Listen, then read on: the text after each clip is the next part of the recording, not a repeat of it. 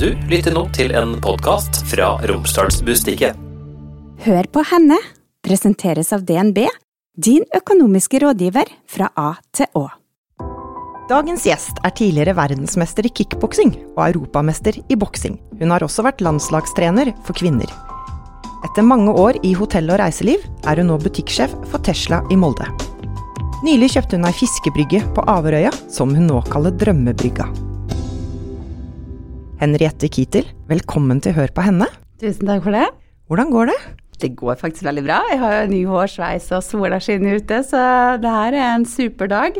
Jeg er faktisk på en veldig god plass med meg sjøl akkurat nå. Jeg har hatt en periode med smerte, operasjon og sykdom og sånn, men uh, nå er det veldig deilig å kjenne at den gamle Henriette er på vei tilbake, da. Med ja, latter og smil og masse energi, så det er veldig deilig. Du har jo levd et ekstremt uh, toppidrettsliv. Er det dette du merker slitasje av nå, eller?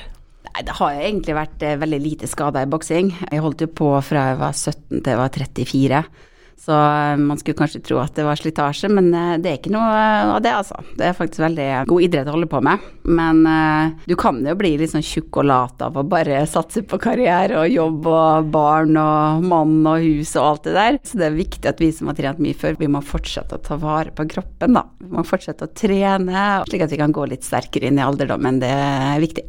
Hvordan holder du deg i form i dag? Det har vært eh, ganske lite trening, men, eh, men jeg syns det er kjempekult å trene fitnessboksing eller gå i fjellet eller ja, gjøre ting som gir meg energi, da. Jeg liker å være sammen med folk. Verdensmester i fullkontakt kickboksing og europamester i boksing. Og det er mange flere titler enn dette også, men eh, de er vel kanskje de gjeveste. Hvordan er det å tenke tilbake på boksekarrieren din? Det er veldig, veldig kjekt å tenke tilbake. Antall medaljer og hvilke titler jeg har fått, eh, det betyr egentlig ikke så mye for meg, da. Men det, det som betyr noe for meg, det er, det er idrettsmiljøet, vennene og alle reisene og opplevelsene eh, du har hatt, da. Så treneren min Daimi og, og kickboksingfamilien betydde veldig mye for meg når jeg flytta til Oslo. Jeg var jo liksom helt alene, men det er liksom familien min. Det gir veldig mye, og jeg tenker ofte på alle vennene eller folk du har blitt kjent med rundt i hele verden, da. Om det er fra India, eller om det er fra Egypt, eller ja.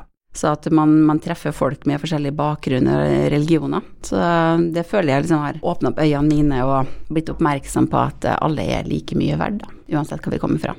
Men hvordan var altså det livet? Jeg ser jo for meg knallhard fysisk trening, fokus på kosthold. Hvordan var det? Det, det stemmer, det. Jeg var veldig målbevisst og dedikert. Uh, kanskje ikke det største talentet, men uh, med innstilling og guts, da, så kan det jo bli best. Man sier jo det at hvis du trener eller øver på noen ting 10 000 timer, så kan du bli veldig, veldig god, og kanskje verdensmester. Så det kan da være en sånn inspirasjon om du driver med sjakk eller boksing eller hva som helst. Men var det sånn at du måtte pine deg ned i vekt, f.eks.? For, for å, altså, nå vet ikke jeg hvilken vektklasse du, du var i, da. Jeg måtte absolutt pine meg i vekt. Jeg gikk eh, i 57 kilo boksing og 56 i kickboksing. Og det å sitte i badstue og få ut svette før innveiing og sånn, det kan jeg alt om. Det men det er jo bare en jobb du må gjøre, da, at du må gå ned i vekt før du kan konkurrere. Så jeg er faktisk en av dem som aldri har hatt noe problem verken med spiseforstyrrelser eller noe som helst. Jeg syns det har gått egentlig veldig greit. Men jeg veit hva jeg skal gjøre for å gå ned tre-fire kilo på en morgen. Ja. Da er det badstue? Det er badstue. Så det har gått veldig greit, utenom ja, kan du nevne én episode som jeg syns ikke det var greit. Og jeg er dritflau og satt i badedrakta mi i badstua og satt alene sammen med guttene på landslaget. og de var overhodet ikke beskjeden, da, så hvis de kan si det på den måten. Så det har vært noen sånne opplevelser, men eh, det har gått veldig bra. Noen av oss har jo vokst opp med Rocky-filmene, altså Sylvester Stallone som Rocky Balboa. Hvor langt er de filmene egentlig fra virkeligheten? Ja, det er veldig kult. Eh, alle boksefilmer inneholder jo masse blod og knockout og eh, masse drama, så det er nok litt eh, styr i proffverden der utøverne er som sirkushester. Når du er proff, da, så skal du suge maks presse ut av det, og penger og oppmerksomhet og sånt noe. Men på et landslag eller under et VM f.eks., der er det profesjonelt og nådeløst.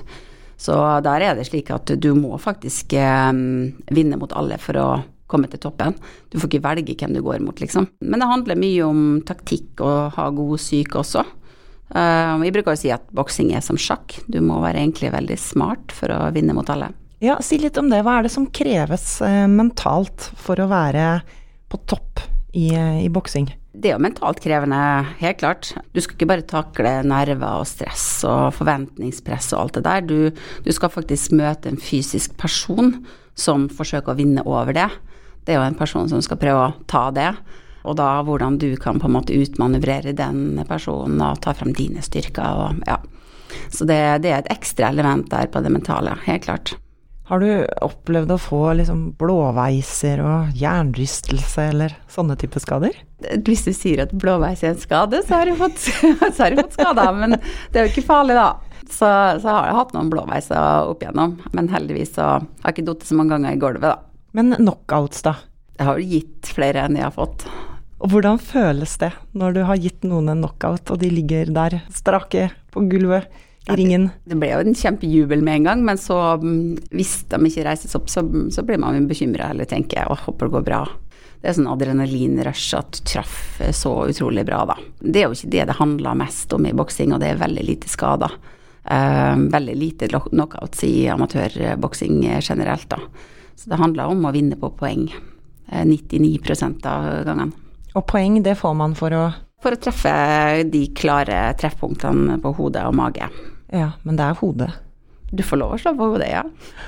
Hvordan er det liksom stemningen etter kampen? Er man god venn, eller liksom dunker eh, motstanderen i skuldra og sier ja. liksom takk for eh, matchen? Absolutt. Det, det, er jo det vi går og sier ofte, at eh, boksing er en gentleman-sport. Vi oppfører oss veldig høflig og ordentlig mot hverandre, og, og vi er venner før kamp og venner etter kamp. Men når gongen går, så kan hende øynene bli svarte, og da gjør vi liksom alt du kan for å vinne, da. Mm. Og så er man tilbake igjen når ja. Kampen er, over. Så gir hverandre en god klem. Det ser du ofte, faktisk. Hvis du skal plukke fram noen høydepunkt fra karrieren din, hvilke er det? Det er så mange gode øyeblikk, da. Men uh, når jeg ble europamester på 17. mai, det kan jeg nå absolutt uh, dra fram som et godt minne. Uh, da vant jo alle kampene mine med ti poengs overvekt og var overlegen det året. Og etter finalen så tar du på deg Romsdalsbunaden og feirer med norske flagg og ja, det var veldig kjekt, da. Det var liksom det tidspunktet jeg bestemte meg for å legge opp og at jeg hadde lyst til å bli mamma. Nettopp. Så det var avslutning på karrieren din? Tror det, da. Men jeg gjorde jo comeback.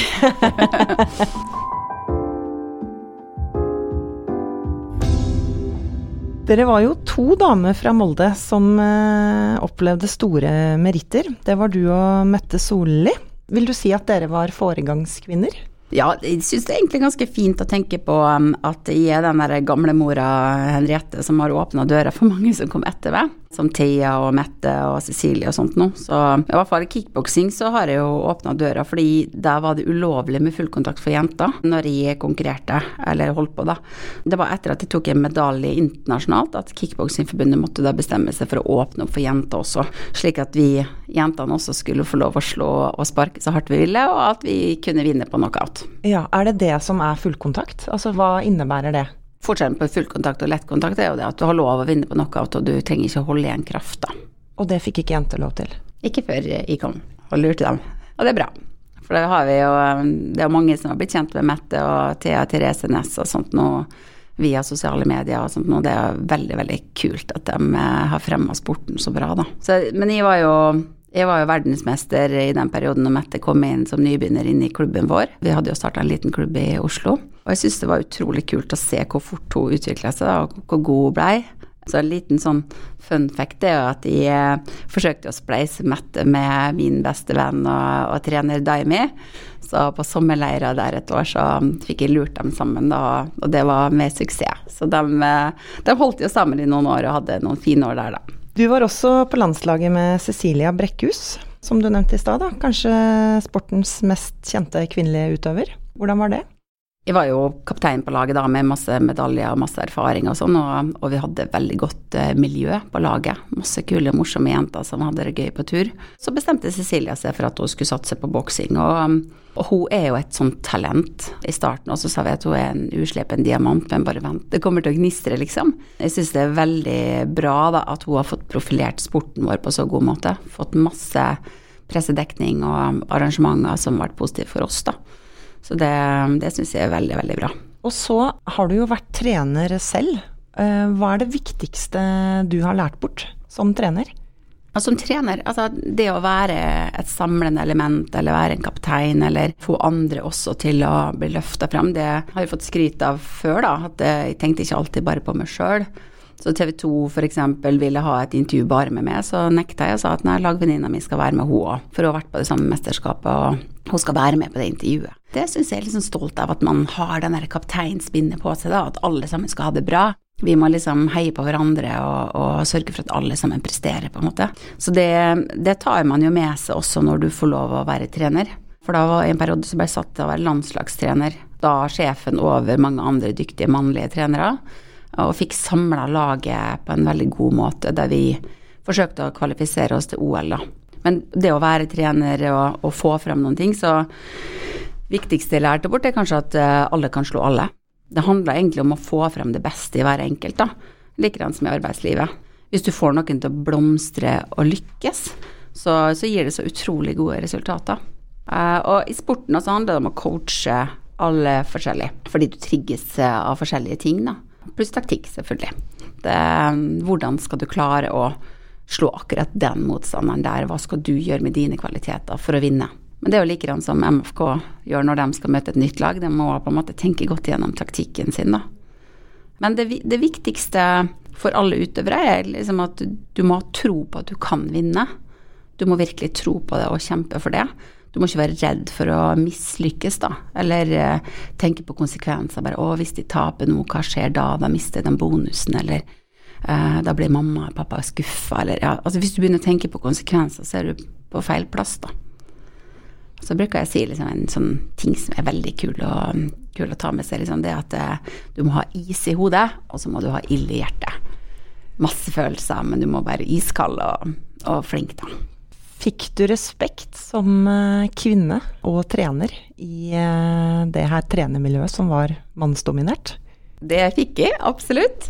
Men det handla mye om å være tydelig og få frem det at samarbeid er bra, og at eneste vi ønsker oss, er at de jentene skal prestere. Uh, vi trenger ikke liksom ha egne agenda eller gå bak ryggen på hverandre. Eller det, hvis vi drar i samme retning, da, så får vi bedre resultater. Så få liksom samordna alle sammen med en målprosess og Olympiatoppen, og så funka det veldig bra. Hvordan var du som sjef, tror du? Eller hvordan sjef eh, ønska du å være? Bilden var nok den som brente for at de skulle lykkes, da. Jeg uh, ville at de skulle vinne alle sammen, og ville at de skulle få det, få det slik som de ønska før, eh, før, en kamp eller eh, i oppbygginga til et mesterskap, at de var optimalt eh, rigga til det.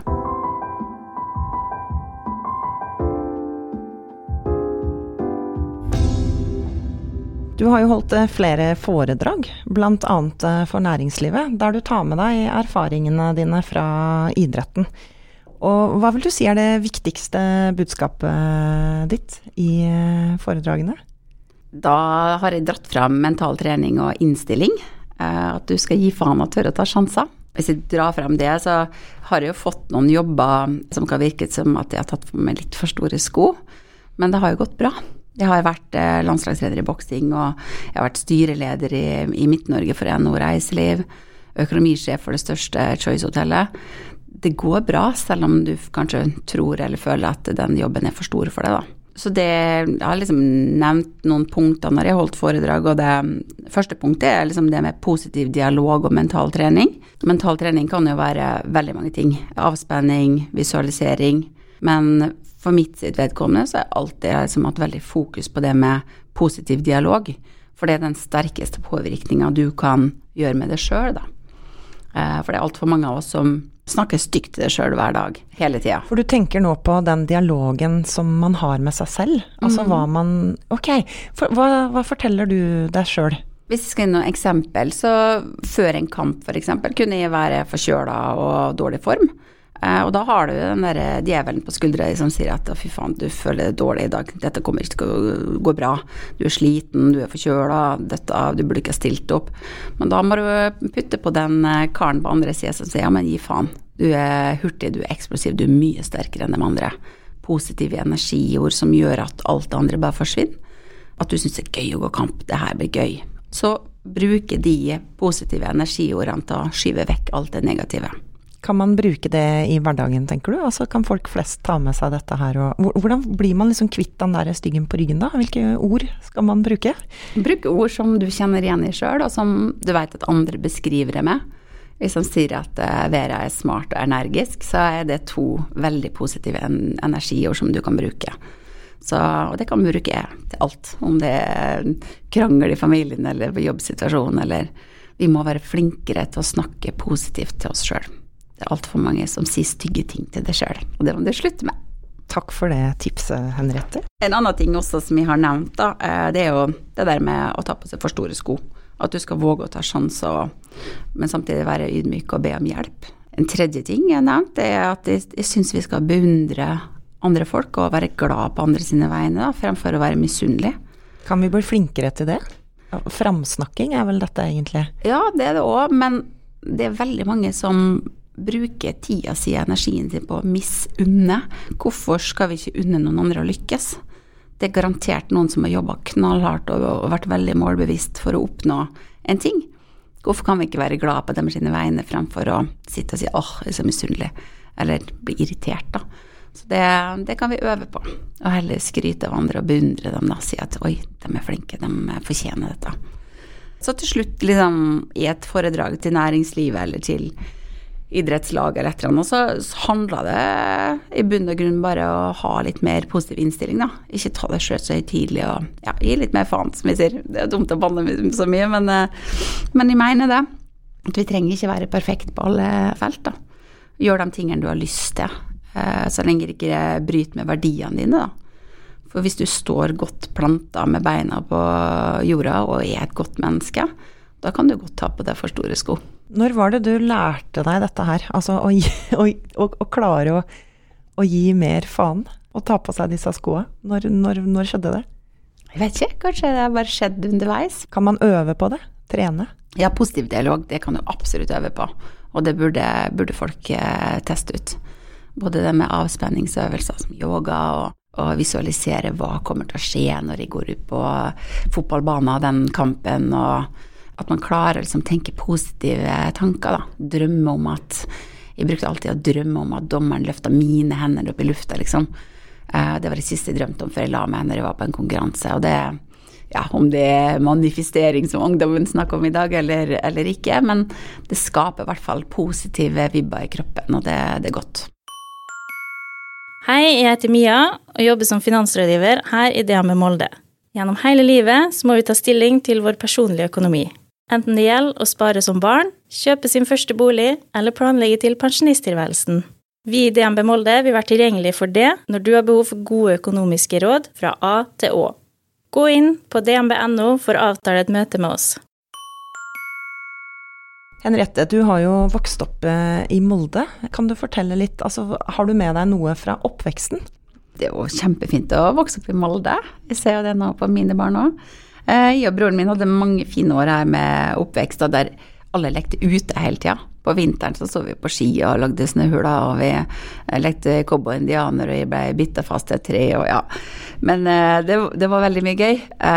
Og vi hadde mye tid med familie og onkler og tanter og søskenbarn. og jeg hadde også en stefar som fylte huset med musikk og latter, da. Så det var egentlig veldig mange gode, fine år. Jeg er jo skilsmissebarn to ganger. Flytta for meg sjøl da jeg var 15. Var takknemlig for det der og da, at de fikk flytte og var selvstendige. Og jeg er takknemlig for det nå, for eh, det har forma meg som menneske. Så jeg tror nok at det er en av de tingene som har gjort meg veldig målbevisst og selvstendig, da. Og så kan det hende at jeg er blitt en eh, snill stemor for Julie og dattera til Martin, da. Håper det. Så har han fått høre noe sånn i seinere tid at det, det kan hende at jeg muligens var et sånt løvetannbarn da, som hadde kommet meg opp og frem uansett hva som har skjedd. Og det syns jeg faktisk er en fin tanke. På et tidspunkt så flytter du til Hellas og jobber som au pair for en søkkrik familie. Hvordan kom det i stand? Ja, tenk at jeg gjorde det. Um, ja, jeg hadde jo lyst til å lære gresk av alt annet. Så uh, folk drar jo kanskje til, uh, til USA eller noe sånt, men nei, jeg hadde lyst til å lære gresk, da. Det, så det var motivasjonen. Men jeg følte at jeg var låst inne seks dager i uka og fikk fri på søndager. Og da var jo alt stengt. Gresskoler og sånt var stengt òg. Men jeg lærte utrolig mye av det oppholdet. hvordan jeg har lyst til å behandle folk, f.eks., og at alle mennesker er like mye verd, kommer igjen. For jeg likte ikke hvor stor forskjell det var på fattig og rik der nede. Og så likte jeg heller ikke at jeg som var fra Skandinavia, skulle liksom bli behandla bedre enn de andre tjenerne de hadde fra andre land. Da. Så det er en verdifull erfaring. Men lærte du gresk? Ligo, ligo. Bitte litt, ja. Forstår når jeg sitter ved siden av folk på en kafé og sånt. Og så lurer jeg på hvordan du kommer inn i kickboksing, inn i den idretten. Hva var ditt første møte? Jeg har alltid trent masse. Håndball og fotball og slalåm og var veldig aktiv. Men det er egentlig veldig tilfeldig da, at eh, Martin Torvik Hansen, som gikk i matteklassen min, spurte meg om jeg hadde lyst til å bli med på et nybegynnerkurs i kickboksing. Og da var det gjort, da. Fordi det å kjenne på det at um, hvis du legger ned en innsats, så får du sjøl belønninga. Individuell idrett som gjør at du sjøl får medaljen og skryt hvis du leverer. Jeg tror det, det var greia som gjorde det for meg, da. Men uh, jeg tror også mange føler at uh, de får en bedre trygghet og selvfølelse av å trene kampsport. Uh, du blir veldig bra trent, og så blir du rolig oppi hodet. Boksinga, da? Når kom du inn i ringen, skulle jeg til å si? Det er jo kickboksing jeg satsa på først, og, og når jeg bestemte meg for at jeg ville bli best, så flytta jeg til Oslo for å trene med de beste. Så etter at jeg ble verdensmester, så fikk jeg ikke så mye kamper, så da, da var det naturlig at jeg ville gå matching i boksing, da. Så ble jeg veldig godt uh, tatt uh, vare på der, og støtte og hjelp og landslag og mm. Det kan jo se veldig brutalt ut, da. Hadde du noen uh, motforestillinger, eller? Jeg kan jo si det, det, det har sikkert alltid vært litt sånn guttejente som fulgte etter broren min og, og kameratene hans, og jeg, jeg vet ikke om jeg tålte en liten trøkk da, men det er ganske mange jenter som trener kickboksing og boksing. men det er ikke så mange som konkurrerer i full kontakt eller, eller i boksing på høyt nivå. Så jeg tenker mm, det krever jo god fysikk og syke. Men, men jeg syns det er trist eller synd at folk syns det ser så brutalt ut, for det er det jo ikke. Boksing er en gentlemansport med veldig lite skader, som jeg har sagt før. Hva var det du fant i disse to idrettene? Det er jo egentlig lidenskapen til eh, kampsport og idrettsmiljø og prestasjoner og veldig, veldig kjekt å, å, se den dynamikken. At det er jo ikke Man slår jo ikke for å skade noen. Det er for å vinne, utmanøvrere, få fram det beste i deg sjøl og utnytte styrka du har. Kunne du leve av idretten når du var på ditt aller høyeste nivå? Jeg ble ikke akkurat rik av boksing. Jeg husker jeg fikk 15 eh, 000 i bonus når jeg ble europamester. Så, og så fikk jeg jo eh, mange år på rad så fikk jeg stipend fra Olympiatoppen, og det var vel på en 50 000 da, i året. Så det er jo ikke, absolutt ikke noe å leve av, og det, det, er nok ikke mange som har tjent så veldig godt på idretten heller, da. Det har noen unntak, som Mike Tyson og litt sånn. Så det vil si at du jobba ved siden av? Ja. Og hva jobba du med da? Hovedpunktet um, i den perioden som jeg konkurrerte og fikk tilrettelagt, da var jeg økonomisjef i Kanal Pluss. Det som er Seymour Entertainment i dag, da.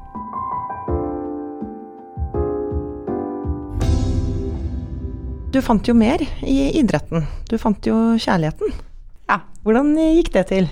Jeg trente jo kickboksing, og han var trener for eh, boksegruppa på 09. Og plutselig en dag etter treninga sånn, så, så kyssa han meg, da. I underetasjen på treningslokalet. Og jeg bare shit! Ble litt sjokkert over at uh, han liker jo meg, tydeligvis. Så det tok det en liten stund før vi ble sammen, da. Men uh, da har jo han blitt kjæresten min og var landslagstreneren min, og så jeg er veldig, veldig glad for at jeg er gift med bestevennen min. Og han heter da Martin Kittel, bare ja. sånn at vi har nevnt det. By the way. Både kjærester og, og ha et profesjonelt forhold, skulle jeg til å si. Hvordan fungerte det? Eh, det fungerte egentlig veldig bra. Eh, han er jo kanskje en av de beste trenerne vi har i landet, og veldig dyktig å få fram det beste i utøverne. Så når vi var på tur, så var vi veldig profesjonelle. Da var det trener og utøver. Eh, det var jo mange internasjonale dommere og ledere som ikke visste at vi var sammen.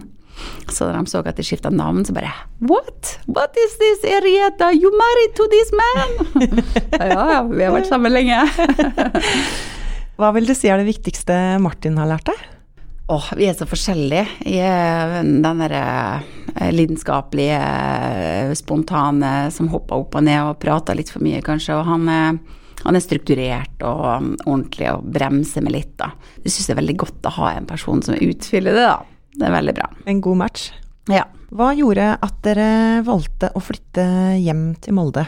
Jeg har alltid hatt veldig lyst til å flytte hjem til Molde, da. Men eh, det er helt naturlig å bo i Oslo når, eh, når dattera til Martin er der. Og venta jo til hun var en sånn 17 eller noe sånt, før vi flytta hjemover. Og da er det at han må være med og bidra litt. eh, Han må, han må ofre litt for meg, han òg, når jeg har vært så mange år i Oslo for han. Eh, Men vi er veldig takknemlige for det nå. At ser at eh, guttene våre, tvillingene våre, har fått oppveksten sin her. Det er jo helt magisk med den friheten og den naturen og ja. Så det går ikke an å vokse opp på noe bedre plass. Ja, du blir jo tvillingmamma her på et eh, tidspunkt. Eh, Det er vel da kanskje 18 år siden? eh? Ja, ja, 18 år siden. Ja, det var helt magisk, da. Jeg har jo ønska meg tvillinger fra jeg var kanskje 17 år eller noe sånt. Så det var skikkelig lykke. Og så skjer det. Mm. At du på en måte kan ønske deg noen ting sånn som det der, og så skjer det, da. Det var veldig, veldig gøy. Hva er fordeler og ulemper med å ha tvillinger? Som jeg sa når de var små, da, så sa jeg at det er 70% arbeid, 30 eh, lykke. Og det, det gode, det er så bra, da, at det, det veier opp for alt det andre jobben, liksom. Men eh, det, jeg syns absolutt alt har vært perfekt, da. Det er mye bedre å gå åtte måneder gravid én gang enn å gå to ganger gravid ni måneder. Det er liksom nummer én. Men ikke minst at de har hverandre, da. At jeg fikk to barn av samme kjønn, og hadde jeg lyst på. For da vet du liksom at de har hverandre hele livet, sjøl om de er ekstremt forskjellige, dem. Altså, De er gode venner og har, har glede av hverandre, da. Er de enegga eller toegga? Toegga, ja. Det kom en mørk som ligna på Martin, og en med lyst hår og blå øyne når han var født. Så, En av hver. men det, det er jo mange som sier bare Du kan ikke bare ha flaks på sånne ting. Altså er det flaks, eller er det hardt arbeid? Og da bruker jeg fleip og si at det, kan hende Martin syntes det var hardt arbeid da, etter en lang weekend i Paris. Men det fikk jo gode resultater. Det ble som bestilt. Ja.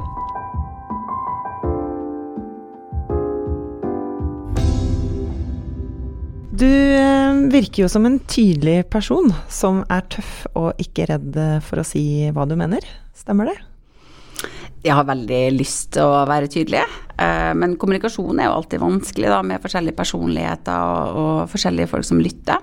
Men jeg mener i hvert fall at det er mye bedre å gå direkte til den personen det handler om, enn å gå via andre eller baksnakke og sånt noe. Heller prøve å løse et problem fremfor å ikke våge å ta det opp, da. Eh, Men sånn er jo reiselivet, det har vært sånn problemløsning hele tida, og det er jo kjempespennende at det er sånn. Ser du forskjell på gutter og jenter? Så gutter er mye ofte mer direkte og kaller en spade for en spade, og det er kanskje derfor jeg alltid har, har vært litt sånn guttejente, eller hatt mange guttevenner, da. Syns det er godt å forholde seg til noen som, er, som sier det jeg mener. Du sier jo sjøl at du er en guttejente, men gjør du noe som er skikkelig jentete av og til? Ja, jeg liker jo å holde på med hobbyting og male og sånt nå. Tror egentlig aldri jeg kommer til å lære meg å strikke, men, eh, men, men jeg liksom liker å være kreativ, da. Og så elsker jeg å gå i kjole. Og fra boksing så skal vi over til bil, for du er jo nå butikksjef for Tesla i Molde. Hvorfor ville du eh, bli eh, Tesla-sjef? Ja, det kom vel kanskje som en bombe at jeg eh, skulle hoppe ut av reiselivet, da, som har vært en sånn lidenskap for meg. Men, eh, men hvem vil jo ikke jobbe for et spennende amerikansk selskap som har en visjon om å få fortgang i verdens overgang til bærekraftig energi? Det er jo veldig, veldig spennende firma. Absolutt. Hvilken interesse hadde du for eh, bil før du søkte den jobben? Er ikke noe sånn spesielt mye annet enn at jeg liker fart og spenning, da. Jeg elsker å kjøre gokart og, og alltid trivdes godt i, i bilen min. Hva er det med Tesla egentlig? Hvorfor, hvorfor tror du alle vil ha det? Eh, Nå kan jeg bare snakke for meg sjøl, da. Jeg mener jo at det er kanskje den beste bilen du kan få tak i, og mye teknologi og, og mye moro. Hvilken bil eh, kjører du selv? Tesla, selvfølgelig. Vi har, eh, har jo hatt den råeste Modell S Performance-utgaven, og så bytta vi til Modell 3, og nå har vi Modell Y, som eh, vi er veldig, veldig fornøyd med. Og hvilken farge er det på den? Rød.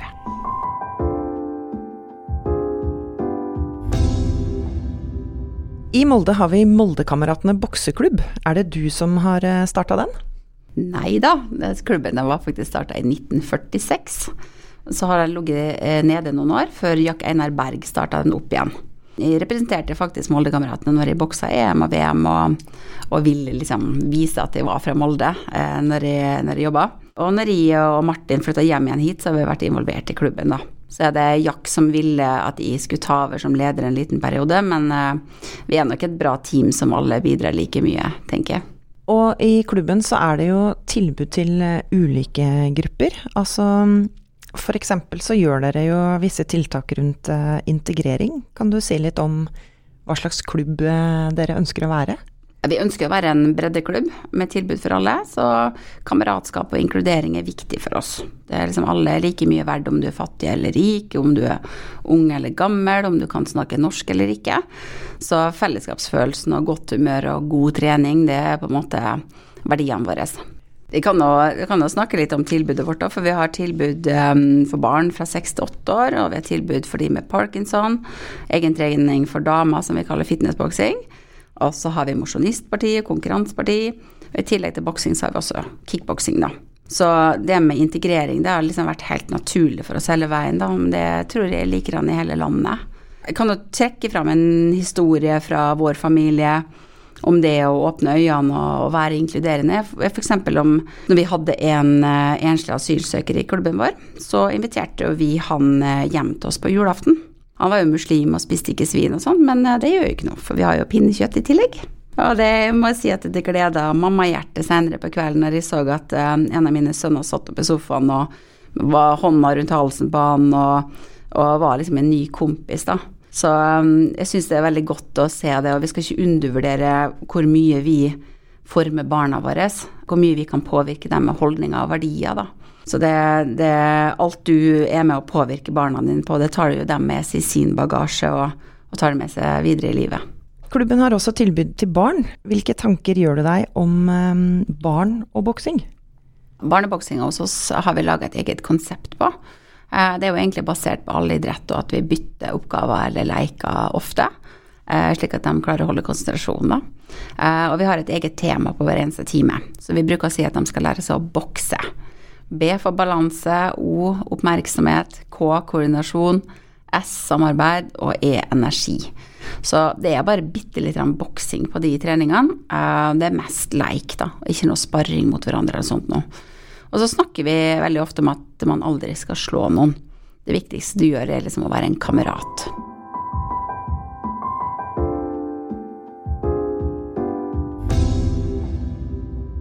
For et par år siden så kjøpte du og Martin ei brygge på Averøya, ei fiskebrygge. Hvorfor det? Egentlig samme mentalitet som tidligere. Uh, hvis du har lyst til noen ting, hvorfor ikke bare gjøre det? Det har vært skikkelig deilig med en fritidsbolig helt ute i havgapet. og Vi koser oss skikkelig når vi er der og sover godt og får frisk luft. Så det var, det var ikke noe planlagt, i hvert fall. Men hva slags, uh, hva slags sted er det, hvis du skal beskrive området? Du kjører jo forbi Atlanterhavsveien hver gang du skal dit, og så er det ca. kvarter fra Kristiansund. Ligger det helt nede ved vannet i nærheten av Sveggvika. Så vi er jo i le for storhavet og, og kan liksom fiske fra brygga, og det er jo, det er jo et kjempestort sted på ja, ca. 650 kvadrat. Så det, det, er jo et boltringssted som jeg og Martin har hatt lyst til at det, det skal være et sted fullt av opplevelser og aktiviteter. Da. Så jeg har til og med laga boksegym der. og hvordan så det ut eh, når dere tok over? Ja, det var ganske mye jobb med, med oppussing og, og, maling og, og, fiksing det første året, da. Så da jobba vi jo mye, og det gikk nesten hver eneste helg til det. I år så er det jo Martin som har bodd der ute i sommer, da. Og da har han snekra og snakka tysk om hverandre og storkosa seg. Så vi har gått og kalt den for bryggemester eller havnekaptein, og ja, han har syntes det har vært storstas. Hva skal dere bruke denne brygga til? Vi har jo opprettet et eget foretak. Planen var å drive med utleie på sommeren og kanskje treningssamlinger og aktiviteter og sånt. Eh, men nå som Martin har fått seg jobb som sportssjef i Bokseforbundet, så, så, får han jo litt mindre tid til sånne typer aktiviteter, da. Men det er jo et veldig flott sted, så om det er noen som har lyst til å leie det til storfamilien eller eh, blåtur for firmaet sitt eller noe sånt, så er det jo bare å ta kontakt med Drømmebrygga. For da finnes vi på Instagram og Facebook og alt mulig sånt. Ja, det har fått navnet Drømmebrygga. Mhm. Hvorfor det? Ja, hvorfor ikke? Syns det er kjempe, kjempekoselig å, å, være et sted der du på en måte kan ja, få frisk luft og kose deg, og du kan holde på med aktiviteter, både barn og unge og voksne, liksom. Eh, skyte luftgevær eller spille dart eller eh, kose deg. Så har vi, eh, har vi jo ordentlig gode Wonderland-senger, selvfølgelig produsert lokalt. Så vi veit at folk sover godt og kan drømme. Hvis du skal trekke frem eh, noe som livet har lært deg, hva er det? Jeg tenker uansett hvilken bagasje du har, så er det fint å se for seg at du putter det oppi veska di, eh, så tar du med det videre. Dårlige eller gode erfaringer. For det former deg som menneske. Og det gjør det til den du er. Og du skal være stolt av deg sjøl, uansett. Jeg mener at um, man bør gjøre litt mer av det man har lyst til å brenne for, og være sammen med mennesker som gir deg energi. Så jeg har sagt det alltid, at uh, før du putter meg i grava, så skal ikke jeg liksom angre på ting jeg ikke har gjort, eller ting jeg har hatt lyst til å gjøre. Jeg vet at jeg vil kunne svare på, sånn som motivatoren Bertrand spør om, har du hatt et ok liv, eller har, har du hatt et fantastisk liv? Og da vet jeg at svaret mitt blir at jeg har hatt et fantastisk liv. Hvis du skal trekke frem en kvinne som har betydd mye i livet ditt, hvem er det? Ja, det er jo ganske mange å se opp til, da. Utrolig mye dyktige damer. Men et forbilde for meg har vært f.eks. Kristin Krohn Devold i, i, reiselivet. Men ellers så må jeg jo få lov å nevne mormor Olga, da. Som var som en levende engel her på jorda. Og jeg, jeg håper da, og tenker at jeg kanskje arva noen gener av henne, for hun var utrolig raus og snill og veldig arbeidsom og kreativ og sydde masse fine klær til barna sine. Og så var hun en kunstner da, som målte flotte oljemalerier.